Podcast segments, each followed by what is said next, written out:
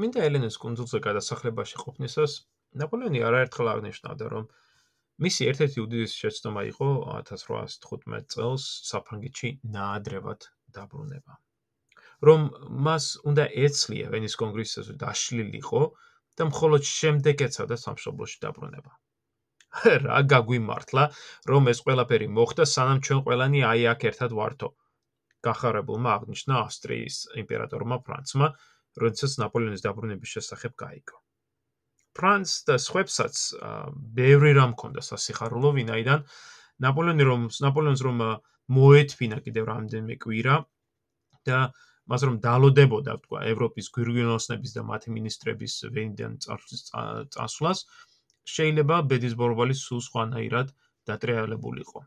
ავსტრიელი საგარეო საქმეთა ministris კლემენს მეტერნიკის მემუარები ნათლად წარმოაჩენენ თუ რაოდენ დიდ ნიშნულობა იქონია აი ამ გარემოებამ. ანუ იმან რომ აი მოკავშირეთა წარმომადგენლები ერთმანეთსგან სულ მხოლოდ წუთებით იყვნენ დაშურებულები და არა ასობით კილომეტრით. მეტერნიკი აღწერს თუ როგორ მიიღო მან ნაპოლეონის დაბრუნების შესახებ ცნობა 7 მარტის დილით. დაუყოვნებლივ გაიქცნა ჰოფბურგში, სადაც კაიზერ ფრანც შეხვდა დილის 8 საათზე და უბრალოდ დილის 8 საათს რომ აკდა წუთები. სიძის დაბრუნებით გაუგნებულმა კაიზერმა მხოლოდ იმის თქმა მოახერხა, ეხლავე წადი და შეხვდი რუსეთის იმპერატორსა და პრუსიის მეფესო. უთხარი მათ, რომ მე მზად ვარ დავიწყო სამხედრო მობილიზაცია საფრანგეთის წინააღმდეგ. 15 წუთში მეტერნიკი უკვე რუსეთის იმპერატორის საძინებლის კართან იდგა. მართალი ამ ორ ადამიანს ერთმანეთი ეზიზღებოდათ და უკვე თითქმის 3 თვე ერთმანეთი არც უნახავთ. ამის მიზეს ჩვენ ცალკე განვიხილავთ ცალკე პოდკასტში როდესაც ვენის კონგრესზე ვისაუბრებ, მაგრამ აი ამ მიუხედავად აი ამისა, პირადი დაპირისპირებისა და ზიზღისა, აი ძველი წენა ეს დაპირისპირება წარსულს ჩაბარდა, როგორც კი ნაპოლეონი გამოჩნდა საერთაშორისო სცენაზე. ალექსანდრემ, რუსეთის იმპერატორმა, მიიღო მეტერნიკი და ხანმოკლე საუბარში ორთავე შეთანხმდა ერთიან მოქმედებაზე. დილის 9-ის ნახევარზე მეტერნიკი უკვე პრუსიის მეფის საძინებელში იყო, სადაც ფრიდრიხ ვილჰელმს აა უბრალოდ ფრიდრიხ ვილჰელმი მხარდაჭერა აღუთქვა. 9 საათზე შედგა მეტერნიკის შეხვედრა ავსტრიის მხედართავართან შვარცენბერგთან, სადაც განხილული იქნა საომარი მოქმედებების სავარაუდო გეგმა. 10 საათზე კი ავსტრიის, პრუსიის და რუსეთის წარმომადგენლები შეიკრიბნენ მეტერნიკის კაბინეტში, სადაც მოხდა ერთობლივი მოქმედებების შეთანხმება და გაიცა პირველი ბრძანებები საფრანგეთის მოცინა წინააღმდეგ ომის დასაწყებად.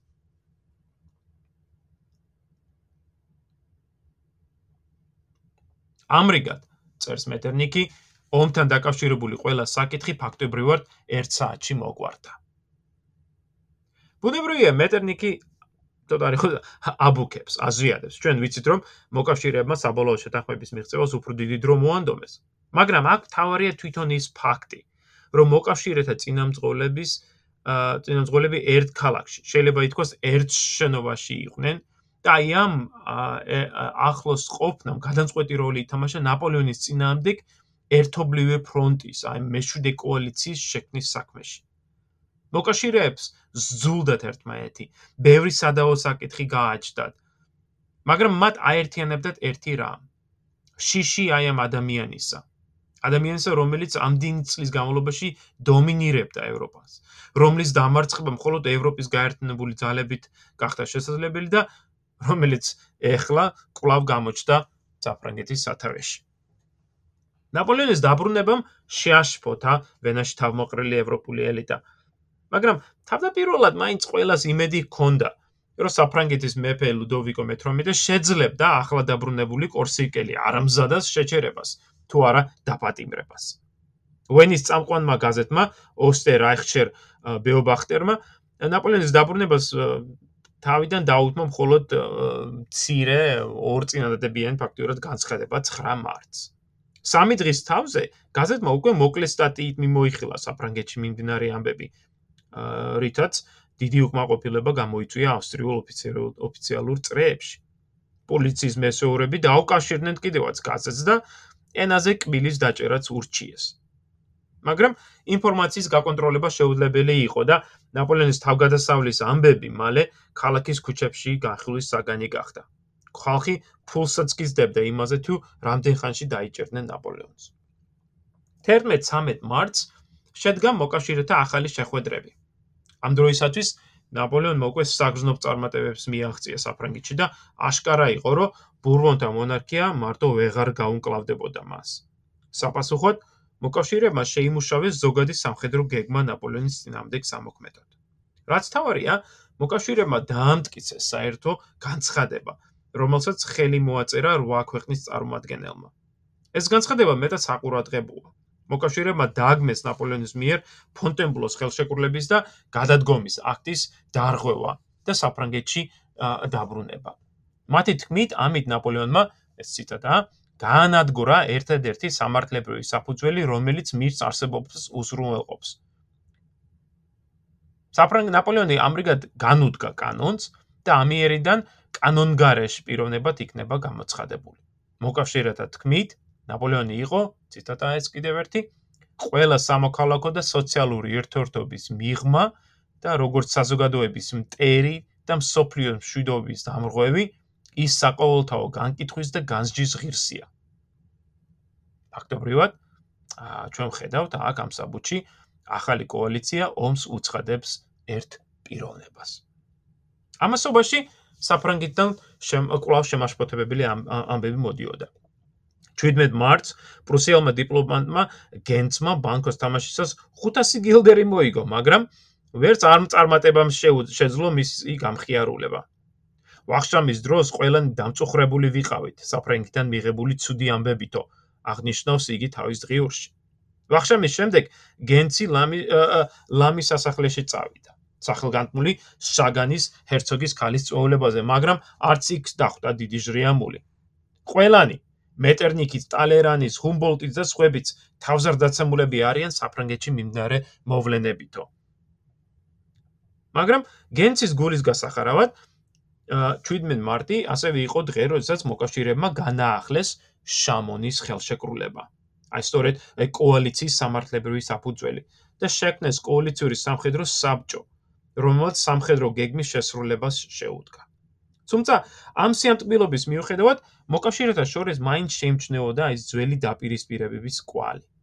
განახლებულ ხელშეკრულებაში მაგრად მაგალითად აღარ იყო საუბარი ბურბონების დინასტიის აღდგენის აუცილებლობაზე. ბრიტანელების აზრით, ბურბონებს მიეცათ უკვე ერთი შანსი და მათ ვერ გამოიყენეს ეს. ამიტომ ბრიტანელებს არ სურდათ ეს ციტატა ერთ-ერთი წერილიდან საფრანგეთისათვის რაიმე ხელისუფლების ძალით თავზე მოხვევა. თავარია ნაპოლეონი არ იყოს ფრანგების სათავეშიო, ისინი ამბობდნენ, სხვა მხრივ ყვაცუხლიათ ფრანგებს თავშიო. ამაზე კიდევ უფრო დიდი პრობლემა იყო მოკავშირეთა უთანხმოება გერმანიის მომავალზე. ვენის კონგრესზე ჩვენ როგორც თქვი ცალკე პოდკასტ ჩავიწერთ, მაგრამ აქ მინდა აღვნიშნო, რომ აი კონგრესის წინაშე ერთ-ერთი უდიდეს პრობლემას წარმოადგენდა ნაპოლეონის მიერ გერმანიაში განხორციელებული საფუძვლიანი გარდაქმნის დატოვება არ დატოვების საკითხი. არ დაგვაიწყდეს რომ ნაპოლეონამდე ერთიანი გერმანიის ნაცვლად არსებობდა აი საღვთო რომის იმპერია, რომელშიც 300-ზე მეტი გერმანული სამეფო, საგრაფო, საეპისკოპოსო, თავისუფალი ქალაქი თუ იმპერიის რანდი, რაინდების საგვარეულო მიწა შედიოდა. ნაპოლეონმა ბოლო მოუღო ყოველივე ამას. და მისი გარდაქმნის შედეგად შეიქმნა ახალი გერმანული რეალობა, სადაც არსებობდა მხოლოდ 39 სახელმწიფო. 4 სამეფო, 5 დიდი საგრაფო, 13 საგრაფო და 17 სათავადო. აი აი ამ სახელმწიფოებს ეს პროფესორი სახელმწიფოები გაერთიანებულები იყვნენ შემდეგ უკვე რაინის კონფედერაციაში. აი ამ ახალი გერმანიის შიგნით მოხდა მნიშვნელოვანი რეფორმები, მათ შორის ახალი სამართლებრივი სისტემის დანერგვა, სახელმწიფო სტრუქტურების საფუძვლიანი ცვლილება. მაგრამ ნაპოლეონის დამარცხების შემდეგ ეხლა უკვე საკითხავი იყო აი ამ მის გარდაქმნებიდან რომელი უნდა დარჩენილიყო და რომელი უნდა გაუკმებულიყო. და რაც თავარია, საფრანგეთის დამარცხების შემდეგ ვინ ჩაუდგებოდა აი ამ ახლად შექმნილ გერმანულ კონფედერაციას სათავეში. ბუნებრივია, პრუსიას, ავსტრიას და რუსეთს გააჩნდათ პრეტენზიები ამაზე. თანაც იმდენად დიდი პრეტენზიები, რომ 1815 წლის იანვარში მათ შორის ომის საშიშროებაც არსებობდა და ავსტრიამ ხელი მოაწერა საიდუმლო სამხედრო ალიანს საფრანგეთთან და ბრიტანეთთან პრუსიის და რუსეთის წინააღმდეგ. ნაპოლეონის დაბრუნებამ ბოლო მოუღო ამ დაპირისპირებას, ყოველ შემთხვევაში დროებითად, ვინაიდან ამ დიდ ქვეყნებს ეხლა უკვე საერთო მტერი გაუჩნდათ. მაგრამ არც ერთ მათგანს ხომ არ დავიწყებია, აი წლის დასაწყისში დავითარებული მოვლენები და ბუნებრივია, ეხლა მათ არ სურდა დათანხმებულიყო რაიმე ისეთ აა ისეთ ისეთ რამეზე, რაც დღევანდელ მოკავშირეს, მაგრამ ხვალინდელ მოწინააღმდეგეს შეუწყობდა ხელს. ეს საკითხი განსაკუთრებით გამოიკვეთა, როდესაც საუბარი გადავიდა აი ნაპოლეონის წინააღმდეგ სამხედრო მობილიზაციაზე. პრუსიის აზრით ჩდილოეთ გერმანულმა სახელმწიფოებმა უნდა მოახდინონ აი ეს თავის სამხედრო კონტინგენტების მობილიზაცია და შემდეგ მათ უკვე საფრანგეთის ჩაუდგებოდნენ პრუსიელები. მაგრამ არც ბრიტანელებს, არც ავსტრიელებს არ სურდათ გერმანული ჯარის აი პრუსიელებისათვის დაქვემდებარება. არანაკლებ პრობლემატური იყო დაფინანსების საკითხიც. მრავალწლიანმა ომიანობამ ხომ გამოფიტა ეს კონტინენტური ქვეყნები, რომლებიც საჭიროებდნენ ფინანსურ დახმარებას, რის გაკეთება კი მხოლოდ ბრიტანეთს შეეძლო. მაგრამ ბრიტანულ ხელისუფლების ერთ ნაწილს აღარ სურდა აი ხელახლა აი მილიონობით გერვანკა სტერლინგის დახარჯვა ევროპის გადასარჩენად. იქნებ საფრანგეთმა თვითონ იზრუნოს თავის გადარჩენაზეო, წარეთ აღნიშნავდნენ ლონდონის კულუარებში. ამ აზრისგან განსხვავებით უფრო განსხვავებულ და სწორედ ხვდებით მაგალითად ველინგტონის ჰერცოგთან, რომელსაც ესმოდა თუ რამდენად მნიშვნელოვან როლს ითამაშებს ეს ბრიტანული დაფინანსება ომის მოგებაში. ერთ-ერთ წერილში ველინგტონი წერს მცირე ძალებით ვერაფერს გავხდებით და ომი დიდხანს გაგრძელდება. ეს კი არც ერთ ჩვენთანს ჩვენთაგანს არ აწყობს. სწორედ ამიტომ ბრიტანულმა ხელისუფლებამ უნდა უზრუნველყოს, რომ ომში ჩაერთოს მაქსიმალურად დიდი სამხედრო ძალა ომის ადრეულ ეტაპზევე. ბრიტანეთის საგარეო საქმეთა მინისტრი კასორიც იზიარებდა ამას. მიიღო რა ნაპოლეონის პარიზში შესვლის ამბავი, კასრიმ მიწერა ველინგტონის герцогს. და ამ წერილში ის აღწერს, ეს ციტატა: თუ ჩვენ დავიწყებთ ამ საქმეს, ანუ საუბარი არის საფრანგეთთან ომზე, თუ ჩვენ დავიწყებთ ამ საქმეს, არაფერი არ უნდა დაუტოვოთ შემთხვევითობას. ყველაფერი უნდა იქნას მოწყობილი უმაღლეს დონეზე. ჩვენ უპირატესი ძალებით ყველა მხრიდან უნდა წავლეკოთ საფრანგეთი. კასოლის გულის გასახარავად მოკავშირეები მართლაც შეთანხმდნენ შეექმნათ ხუთი ჯარი, რომლებიც იმოქმედებდნენ ბელგიაში, ჩრდილოეთ გერმანიაში, რაინის პირეთში და იტალიაში. ბრიტანელები და პრუსიელები ერთობრივი ძალებით შეუტევდნენ ბელგიურ ფრონტიდან, ავსტრიელები იმოქმედებდნენ იტალიაში და რაინისპირეთში, სადაც მათ ასევე მხარს დაუჭერდნენ რუსები. საერთოდ ჯამში კოალიცია ვარაუდობდა დაახლოებით 750000-იანი კაცის, უბრალოდ 750000 კაცის მობილიზირებას საფრანგეთის ახალი ხელმწიფის წინააღმდეგ. 1800 15 წლის 20 მარტი მეტად რთული დღე გამოდგა ფრანგული ლიბერალიზმის სულიერი მამად წოდებულ ბენჯამენ კონსტანისათვის. 28 წლის კონსტანი დაიბადა შვეიცარიაში, გადახვეწილი ფრანგი ჰუგენოტების ოჯახში. მიიღო შესანიშნავი კერძო განათლება. სწავლობდა ერლანგენის და ედინბურგის უნივერსიტეტებში. რამდენიმე წელი ცხოვრობდა ბრიტანეთში. შემდეგ დაბრუნდა საფრანგეთში, დასახლდა პარიზში, სადაც გახდა აი რევოლუციური ორომტრიალის თვითმხილველი და მონაწილეც. კონსტანტის კალამს ეკუთვნის არაერთი საინტერესო ნაშრომი თუ ესე, რომლებმაც საერთო ჯამში საფუძველი ჩაუყარეს აი ფრანგული ლიბერალურ სოფხედველობას. კონსტანტისთვის ერთ-ერთი უმთავრესი საკითხი იყო ინდივიდუალური თავისუფლების ცნება. იგი ემიჯნებოდა ძველი რომაელების და ბერძნების შეხედულებებს ინდივიდუალურ თავისუფლებაზე, ვიდრე ამ უკანასკნელთათვის თავისუფლება ხორციელდებოდა ეს კოლექტიური უმაღლესი ხელისუფლების სახით, რათა თითოეულ მოქალაქეს უშუალოდ მიიღო მონაწილეობა სახელმწიფო საქმეში. საფრანგეთის რევოლუცია გამოვლილ კონსტანს სხვაგვარი წარმოდგენა ჰქონდა თავისუფლებაზე. მისთვის ინდივიდუალური თავისუფლება გულისხმობდა კანონის წინაშე თანასწორობას, პირად დამოუკიდებლობას, პირადობის უშიშროებასა და ხელშეუხებლობას. პირადი საკუთრების უზენაესობასა და საიმედო დაცვას კანონით. სამოქალაქო თავისუფლებას, სახელმწიფოს მართვაში ჩართულობას და მასზე ზეგავლენის მოხდენის უფლებას. კონცენის აზრით, საზოგადოებრივი წესრიგის საწყისი წერტილი სწორედ ინდივიდუალური თავისუფლება და სახელმწიფოს მოწყობა სწორედ აი ამ ღირებულებას უნდა ასახავდეს და გარკვეულწილად ემორჩილებოდეს. სახელმწიფო ინსტიტუტები ინდივიდუალური თავისუფლებისა და პიროვნების აი ეს გაუსხვისებელი უფლებების ფუნდამენტზე უნდა შეექმნას და ხელი შეუწყონ თავისუფალ ადამიანების მიერ დამოუკიდებლად, გონივრულად გამოავლინონ თაკუთარი შესაძლებლობებიო. ახსენიშნებია, რომ კონსტანტინე არ იყო თავგამოდებული რესპუბლიკელი და სავსებით მისაღებად მიაჩნდა მას კონსტიტუციური მონარქია.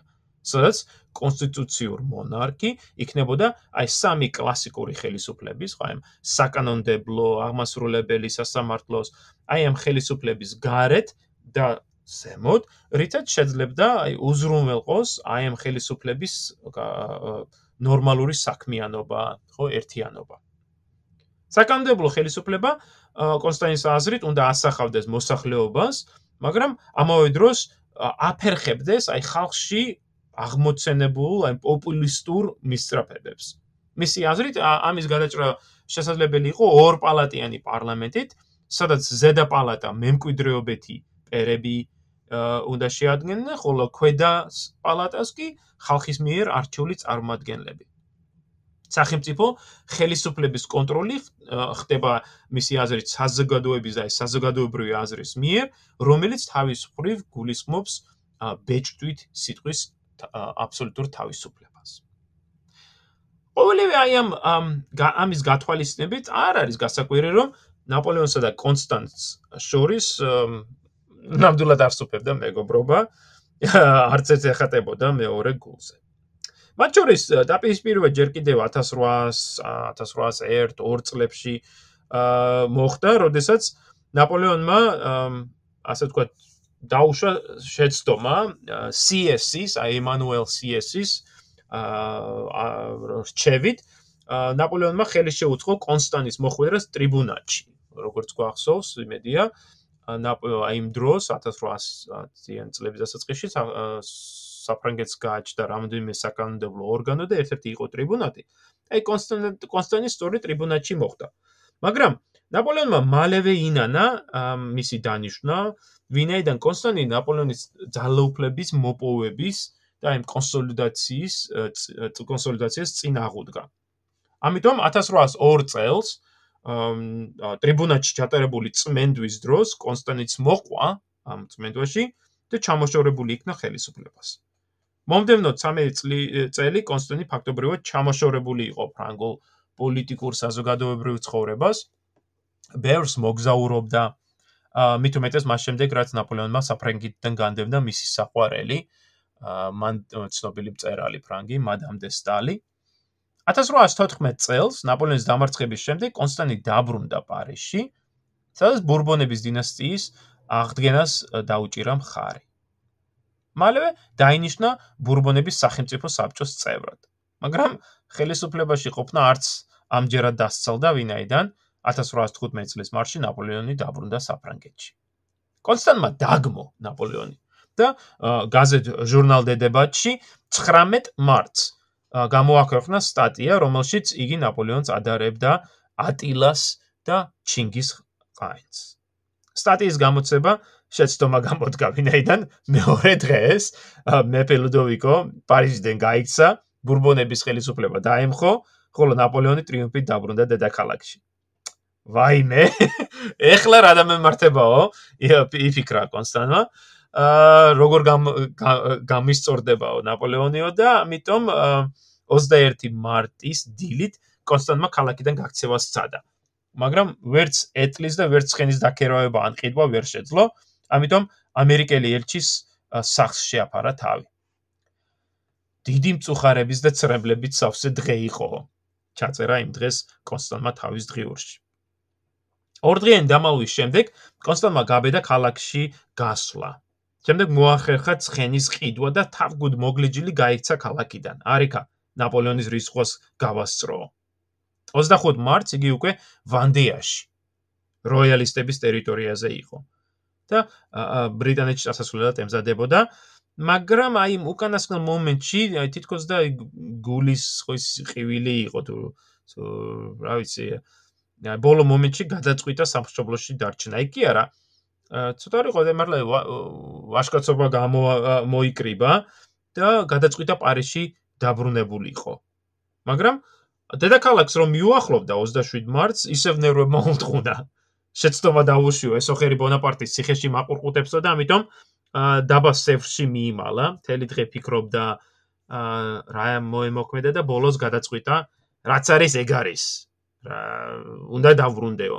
და ამიტომ 28 მარტს უკვე სახში იყო. ჩემმა დაბრუნებამ ყველა გააოცაო, აღნიშნავს კონსტანტინ თავის დღიურში. მეორე დღეს კონსტანტმა მიიღო მოწვევა ჟოზეფ ბონაპარტისგან, რომელთანაც საინტერესო შეხვედრა შედგა. ახალი ხელისუფლების განაზრახი ლიბერალურია, მაგრამ პრაქტიკა დიქტატორული იქნებაო. საინტერესო ჩანიშნა აქვს კონსტანტს აი ამ შეხვედრის შემდეგ. 14 აპრილს კონსტანტის გასაკვირვად უკვე თვით ნაპოლეონმა დაიბარა იგი ტიულერის სასახლეში, სადაც ამ ორ ადამიანს შორის ხარგლივი საუბარი მოხდა. აი სწორედ კონსტანტი, რომელიც 19 მარტს წერს, რომ ნაპოლეონი ჩინგისხაენია და ატილა არის, ეხლა უკვე 14 აპრილს ბრუნდება სახში და თავის ღიურში აკეთებს აი ეს ჩანაწერს. გასაოცარი ადამიანია. ანუ ნაპოლეონზე წერს, გასაოცარი ადამიანია. ხვალე წარმოუდგენ კონსტიტუციის ჩემს პროექტს. ნუ თუ შევძელი წერვალის დაპყრობა.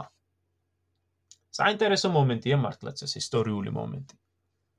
ახლად დაბრუნებული იმპერატორი ხვდება ამ თავის პოლიტიკურ მოწინააღმდეგეს და თანამშრომლობას თავაზობს მას.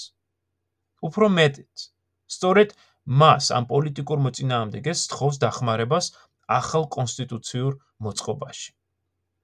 20 აპრილს კონსტანტინი დაინიშნა ნაპოლეონის სახელმწიფო საბჭოს წევრად. 22 აპრილს კი მისი საკონსტიტუციო პროექტი დამტკიცდა. 1 ივნის შეუკვევ შემდეგში ჩატარდება რეფერენდუმი და მოსახლეობას დაუჭერ მხარს ამ კონსტიტუციას, მაგრამ აი თავარი გადაწყვეტილება სწორედ ხომ 22 აპრილს ნაპოლეონის მიერ აი ამ კონსტიტუციის დამტკიცება იყო. კონსტიტუციის ქმნილებამ, რომელსაც ოფიციალურად ეწოდა იმპერიის კონსტიტუციის დამატებითი აქტი, აი ამ ქმნილებამ დიდი ცვლილებები შეიტანა საფრანგეთის არსებულ კონსტიტუციურ სისტემაში. სწორედ მასში აისახა ის პრინციპები, რომლებიც ჩვენ აი ზემოთ უკვე განვიხილეთ.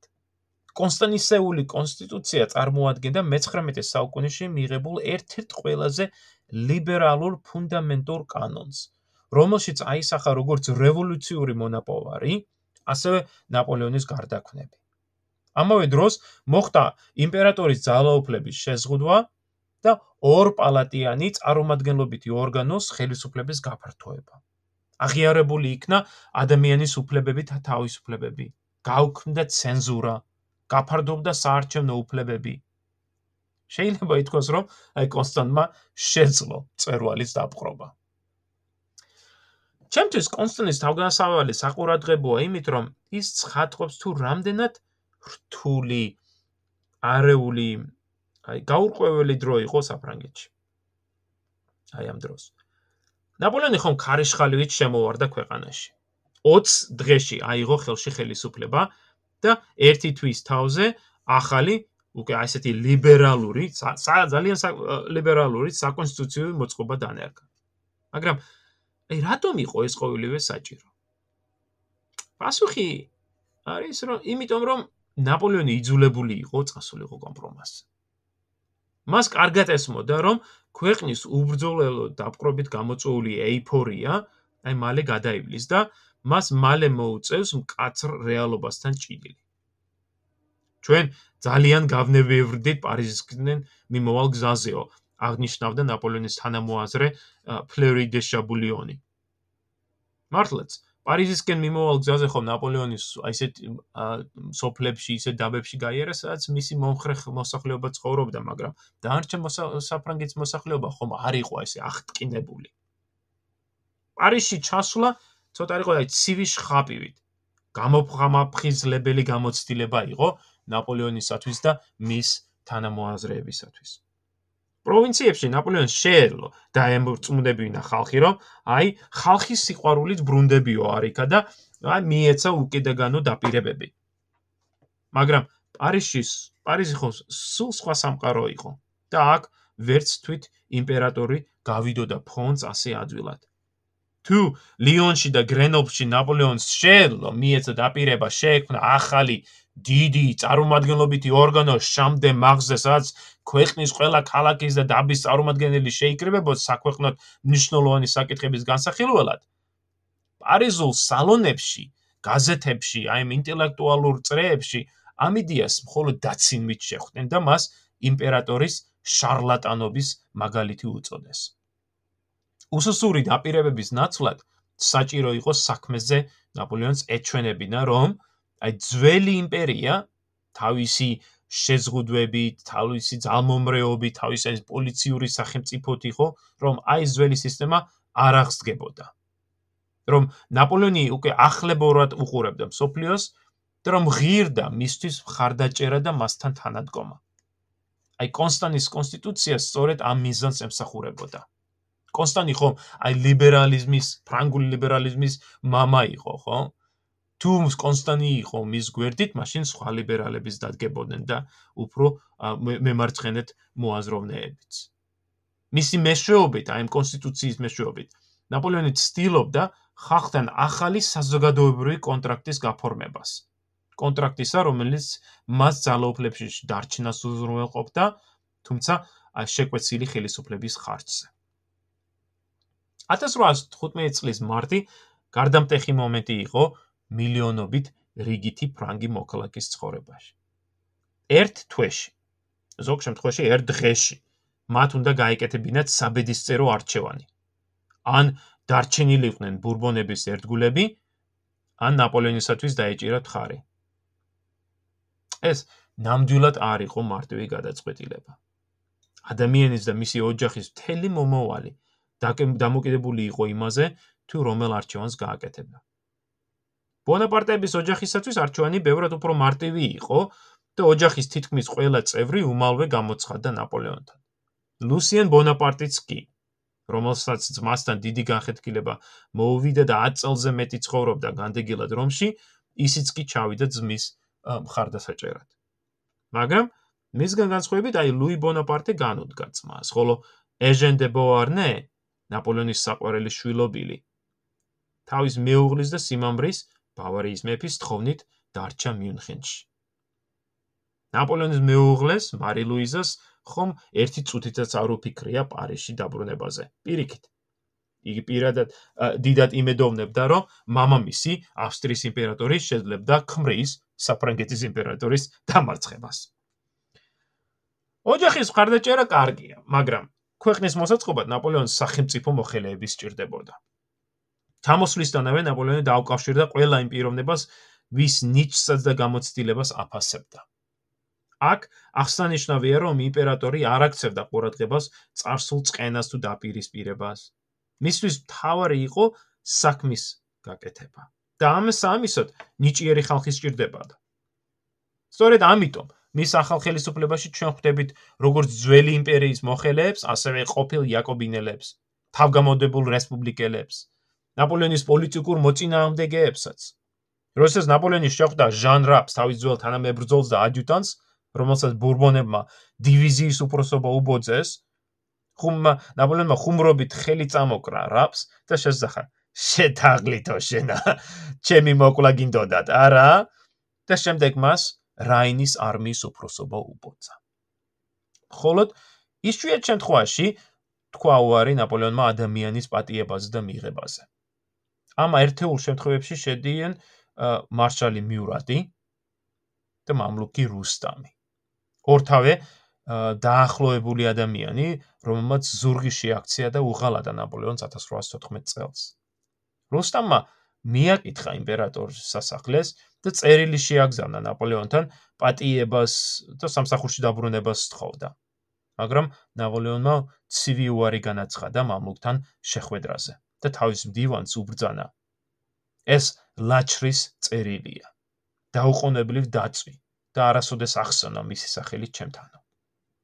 რუსტამის ნაცვლად იმპერატორის მამლუქის წოდება მიიღო ფრანგმა ყმაწმულმა ლუი ეტიენ სენ-დენიმ, რომელიც იმპერატორის ცხოვრებას იმპერატორის ცხოვრების ბოლომდე ერთგულად ემსახურა.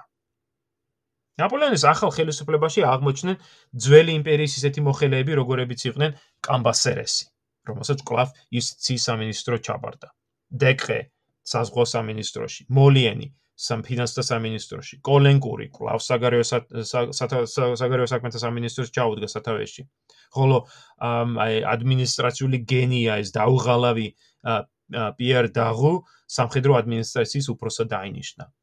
ნაპოლეონის გუნჩი იყვნენ ასევე მაღე სახელმწიფო მდივნის მდივნის თანამდებობაზე, ბიულეი დე ლა მიორტი და რენო დე სენ-ჟანი გამოცდილი ორთავე გამოცდილი სახელმწიფო მოღვაწე, რომელიც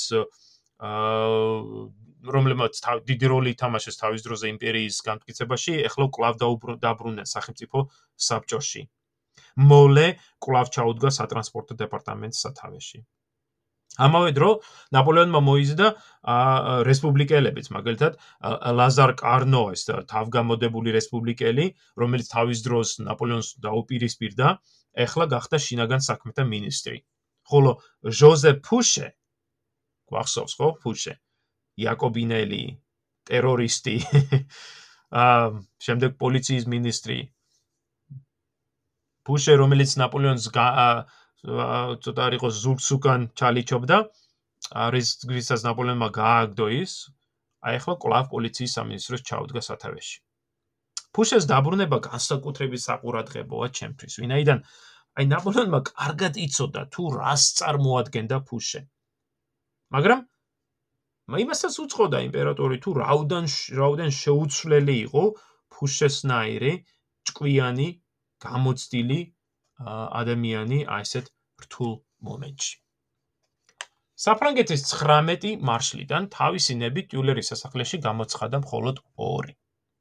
ლეფევრი და რკინის მარშალი დავო. 60 წლის ლეფევრი ნაპოლეონმა სენატში დანიშნა. და შემდეგ აი ახლა ახლა შექმნილი ორპალატიანი საკანონმდებლო ორგანოს უმაღლეს პალატაში. აი და დაუსთან ცოტა სხვანაირი ურთიერთობა იყო. ამ დროისათვის ნაპოლეონს და დაუს ერთმანეთი 2 წელიწადზე მეტი ხანი არ ყავდათ ნანახი. დაუ ხომ 1800 წლის 13 წლის შემოდგომიდან ჰამბურგში იბრძოდა ეულად. ნაპოლეონმა ჯერონა ჯერონა დაუფასა დავოს აი ეს ხარდაჭერა და მას მეტად ნიშნულოვანი დავალებაც დააკისრა. იმავე დღეს დავუ საფრანგეთის ომის მინისტრი გახდა და ქვეყნის შეარაღებული ძალების მობილიზაციას შეუდგა. ეს მეტად რთული ამოცანა იყო, რადგან ბურბონების მიერ ფრანგული ჯარის დიდი ნაწილი დემობილიზირებული იყო, ხოლო ბევრ რეგიონში, განსაკუთრებით სამხრეთ და დასავლეთ საფრანგეთში, მოსახლეობა ბურბონების ერთგული რჩებოდა. ნაპოლეონმა თანატომობით გაზარდა დავოს მოვალეობები და ივნისისათვის რკინის მარშალი არამხოლოდ ომის მინისტრი, არამედ პარიზის გუბერნატორი და ეროვნული გვარდიის ხელმძღვანელიც იყო. აი ამ კოლოსალური პრობლემების მიუხედავად, დაუზოგავის შრომის შედეგად დავომ სულ მხოლოდ 3 თვეში 280.000-მდე ჯარისკაცის მობილიზირება მოახერხა. რომელთა წყალობით ნაპოლეონს მორიგი ომის წარმოების საშუალება მიეცა. მაგრამ ომი რომ დაიწყო და ნაპოლეონმა ბელგიისკენ აიღო გეზი, აი მაშინ მან საბედისწერო გადაწყვეტილება მიიღო და დავუ პარიზში დატოვა. აი დავუს მსგავსი ნიჭიერი მხედარ თავის ვატერლოში კამპანიის მონაწილეობას ფიქრობს შეძლო სხვანაირად გადაეწყვიტა ბრძოლის ბედი შეიძლება კამპანიის ზოგადად კამპანიის ბედი ვერ გადაეწყვიტა ალბათ ვატერლოსთან დავუ დავუს ყოლა დიდ როლს ითამაშებდა მაგრამ ნაპოლეონმა ისიც კარგად იცოდა, თუ როგორი მნიშვნელოვანი იყო პარიზსა და ზოგადად საფრანგეთში წესრიგის შენარჩუნება.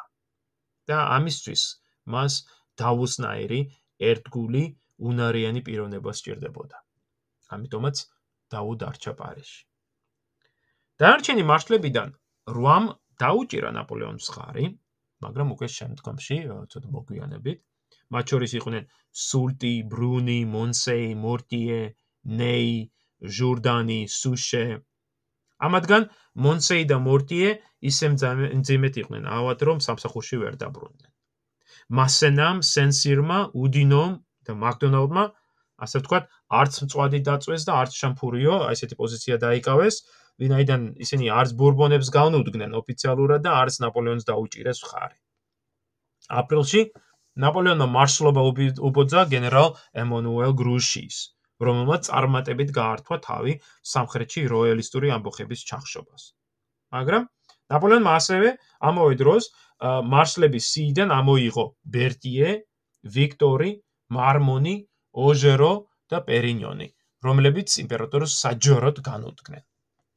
ამ სახელებს შორის ყველაზე საყურადღებო ბერტიეა. ნაპოლეონი დარწმუნებული იყო, რომ მისი ერთგული შტაბის უფროსი უცილობლივ დაუბრუნდებოდა. ეგ კი არა, იმპერატორი ხუმრობდა კიდევაც, რომ სასჯელით სახის ბერტიეს ვაიძულებ ჩემთან მეფის გვარდიელის ფორმაში გამოწყობილი იაროსო. მაგრამ ცხოვრება სხვაგარად წარიმართა. ნაპოლეონმა რომ თავის ყოფილ გენერლებს და მარშლებს მოუწოდა და აბრუნებულიყვნენ იმპერიის სამსახურში, ბერტიე ყოყმანობდა. დარჩენილიყო მეფის ერთგული თუ თავის ყოფილ პატრონისათვის დაეჭირა მხარი. საბოლოოდ მან მეფის ერთგულება არჩია და მეფესთან შესახვედრად გაეგზავრა ქალაქ გენჩი. მაგრამ უკვე გვიანი იყო. მეფე და მისი მოახლეები ეჭვის თვალით უყურებდნენ ბერტიეს, რომელიც საიმდეხანს მერყეობდა და უკვე მხოლოდ ასე ვქოთ, უკანასკნელ მომენტში გამიიღო გადაწყვეტილება. მეფის მეფის კართან შერისხული ბერტიე ქალაქ ბამბერგში გაემგზავრა, სადაც ცოლის ოჯახი ცხოვრობდა, აი ეს ლამაზი მაღალი შენობის მესამე სართულზე.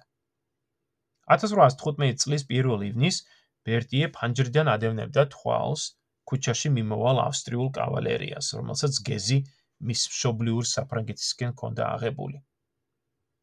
კონკრეტულად რა მოხდა იმ მომენტში დღემდე გაურკვეველი არის.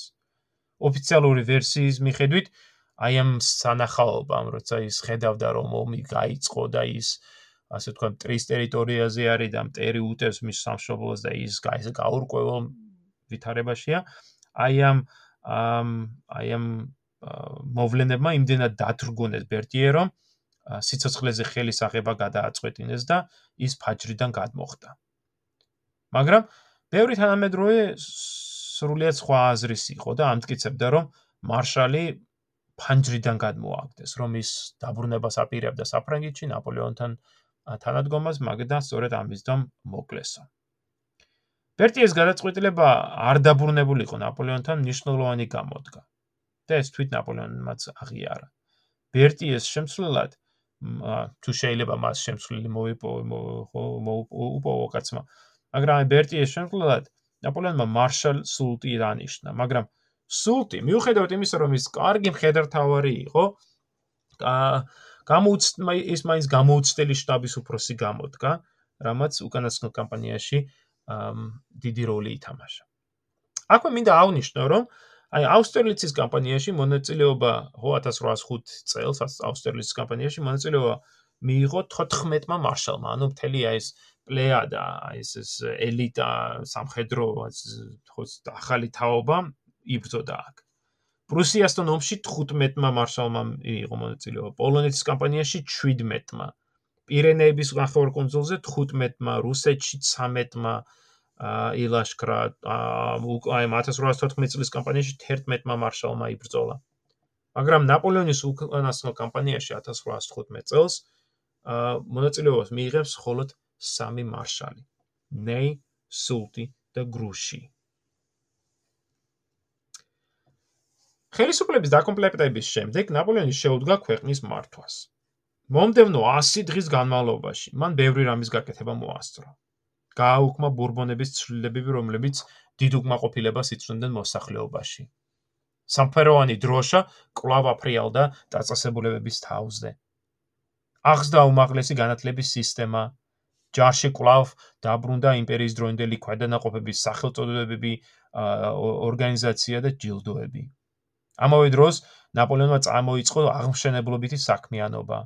განაახლა სამუშაოები ქვეი დე ორსეზე, აი ეს პარიზის შუაგულზე მდებარე ამ ლამას სანაპიროზე, რომელიც მან ჯერ კიდევ 1808 წელს ჩაიფიქრა. დაიწყო ლუვრის მუზეუმის საფუძვლიანი შეკეთება. აშენდა არაერთი ახალი ბაზარი თუ საზოგადო დაწესებულება, ყოველ შემთხვევაში საფუძველი ჩაიყარა ამათ. როგორც უკვე ნახეთ, ერთ-ერთი უმთავრესი გარდაქმნა იყო ახალი კონსტიტუცია, რომელსაც აი განავრცო მოქალაქეთა უფლებები, თავისუფლებების შექმნა უფრო წარმომადგენლობითი მართლობის სისტემა. ამ ნაბიჯით ნაპოლეონმა შეძლო აი არსებულ პოლიტიკური დაჯგუფებების კონსტიტუციური მონარქისტების, ლიბერალების, ზომიერი რესპუბლიკელების, იაკობინელების, ბონაპარტისტების, აი ამ არსებული დაჯგუფებების აი მეტნაკლებად გაერთიანება აი ამ ახალი პოლიტიკური იდეოლოგიის ირგვლივ. იდეოლოგიისა, რომელსაც ჩვენ ხშირად უწოდებთ რევოლუციური ბონაპარტიზმი. რაც თავის მხრივ საინტერესო ცნება არის, ვინაიდან ის ერთის მხრივ გულისხმობს ამ რევოლუციური იდეალების, აი მონაპოვარის გათვისებას და მეორე მხრივ არის აი ბონაპარტიზმი, ხო, მასში. 1815 წლის აპრილ-მაისში ძალზედ საინტერესო ამ მხრივ მომდინარე მოვლენები, ვინაიდან ნაპოლეონმა ამოქმედა ეს თავისი პროპაგანდა, რათა ხალხში გაეღვივებინა ეროვნული ერთიანობის აი ეს ეროვნული სიამაყის გრძნობა. შეიძლება ითქვას, რომ აი მისი პოლიტიკური ლოზუნგი იყო და სმენელს მე მგონი ეს ეცნობა, რომ ლოზუნგი იყო აი დავობრუნოთ საფრანგეთს დიდება. ცოტა არ იყოს აი ტრამპის მსგავსი. ამ ვინაიდან ნაპოლეონი ხას უსვავდა ბურბონების მიერ დაშვებულ შეცდომებს, საინტერესო რომ იმას არ უსვევდა ხას რომ საფრანგეთის დამარცხება მის შეცდომება განაპირობებს, არამედ ყურადღებას ამახვილება სწორედ ბურბონების პერიოდზე და საუბრობდა აი ეროვნული აღორძინებას, რომ აი საფრანგეთის დიდების აღმასვლას. და საინტერესოა რომ აი ამ პოლიტიკამ, აი ამ ლოზუნგმა, აი ამ მიდგომამ საკმაოდ დიდ წარმატებას მიაღწია. აპრილის ბოლოს საფრანგეთში შეიქმნა ეგრეთ წოდებული ფედერალური მიმდინარეობა, FDR. რომელშიც მონაწილეობდა ასობით ათასი ფრანგი მოქალაქე. აი ეს მოქალაქე კვირაში ორჯერ ხვდებოდნენ აი ამ ფედერე დაჯგუფებებში. აწყობდნენ სხვა სხვა ღონისძიებებს ხელისუფლების ხარდასაჭერად და აი ეროვნული აღორძინების ხელშესაწყობად. და აი აი სწორედ აი ეს რევოლუციური ბონაპარტიზმი საკმაოდ მნიშვნელოვანი არის აი ნაპოლეონის შემდგომ პერიოდშიც, უკვე ბონაპარტიზმის და განვითარების და თვითით საფრანგეთის პოლიტიკური ისტორიისათვისაც. პარიზში დაბრუნებისთანავე ნაპოლეონმა საჯაროდ განაცხადა, რომ მას აღარ სურდა დაპყრობითი ომების წარმოება და რომ ძველი იმპერიული სისტემის აღდგენა არ შედიოდა მის მიზნებში და რომ ეს ციტატა არის მისი ერთ-ერთი განცხადება სიტყვიდან, რომელიც მან თქვა წარმოთქვა სახელმწიფო საბჭოში, რომ ციტატა ამიერიდან ჩემი ყველა ოცნება და სურვილი მიმართული იქნება საფრანგეთში ბედნიერების და კეთილდღეობის უზრუნველსაყოფათო. 4 აპრილს ნაპოლეონმა მიწერა ევროპის დიდ სახელმწიფოების მეთაურებს. და ამ წერილში ის აღნიშნავს კიდევ ერთ ციტატა სოფლიო მოყვე იხილა ძლევამოსილი კამპანიების მთელი წება. ამიტომ ეხლა ბევრად უკეთესი იქნება თუ ჩვენ დავივიწყებთ ჩვენს მეთოქეობას და დავტკბებით შვიდობით. და თუ ჩავებმებით ბრძოლაში, მხოლოდ ისეთ ბრძოლაში, რომ ხალხისთვის კეთილდღეობა მოუტანოთ. ისტორიკოსები დღემდე დააობენ თუ რამდენად გულწრფელი იყო ნაპოლეონი, როდესაც ამ აი ამ ასეთ განცხადებებს აკეთებდა. საფრანგეთის პოლიტიკური, სოციალური თუ ეკონომიკური რეალობისგან გამომდინარე, ცხადია, რომ ნაპოლეონს სხვა არჩევანიც არ ჰქონდა. მას სჭირდებოდა მშვიდობა. მშვიდობა, რათა მოეწესრიგებინა ქვეყანა. აღეორძინებინა ეკონომიკა, ხელი შეეწყო ვაჭრობის განვითარებას, ხო ინდუსტრიის. ამიტომ ვფიქრობ, საკითხავი ის კი არ არის გულწრფელი იყო თუ არა ნაპოლეონი 1815 წელს, არამედ აი რას მოიმოქმედებდა იგი 3, 4, 5 წელიწადში, როდესაც საფრანგეთი კვლავ ფეხზე დადგებოდა და წელში გამართებოდა. ნაპოლეონის მოწინააღმდეგეებს ეჭვიც არეპარებოდათ, რომ ნაპოლეონი კვლავ ეცდებოდა ძველი ძლევამოსილების აღდგენას და რომ მათ კვლავ მოუწევდათ მისი შეჩერება ომიან ომით. როგორც ერთმა ბრიტანელმა პოლიტიკოსმა აღნიშნა, ეს ციტატა არის, ნაპოლეონის ნაირ ადამიანთან ურთიერთობაში შვიდობა ყოველთვის საეჭვო იქნება. და სანამ ის ძალოუფლებაში დარჩება, ჩვენ ყოველას მოგვიწევს მუდმივი შეაიარაღება და ომისათვის მზადება, რაც ბევრად უფრო გაუსაზლისი იქნება, ვიდრე თვით ხანმოკლე ომიო. ნაპოლეონისათვის დროის მიცემა ამრიგად საშიში იყო. საჭირო იყო მისი დამარცხება და განადგურება სანამ ის სუსტი იყო, სანამ ის არ წარმოადგენდა დიდ საფრთხეს. სწორედ ამიტომ მოკავშირეებმა უარი განაცხადეს ნაპოლეონის შეთავაზებას. ამის ნაცვლად მათ შექმნეს მეშვიდე კოალიცია. 9 ივნის მოკავშირეებმა გააფორმეს ვენის ხელშეკრულება, რომლის პირველი მუხლი მოითხოვდა ნაპოლეონის ტახტიდან გადადგომას. ხოლო მესამე მუხლი აცხადებდა, რომ კოალიციის წევრები არ შეწყვეტდნენ ნაპოლეონთან ბრძოლას, სანამ პირველ მუხში აღნიშნულ მიზანს არ იქნებოდა მიღწეული.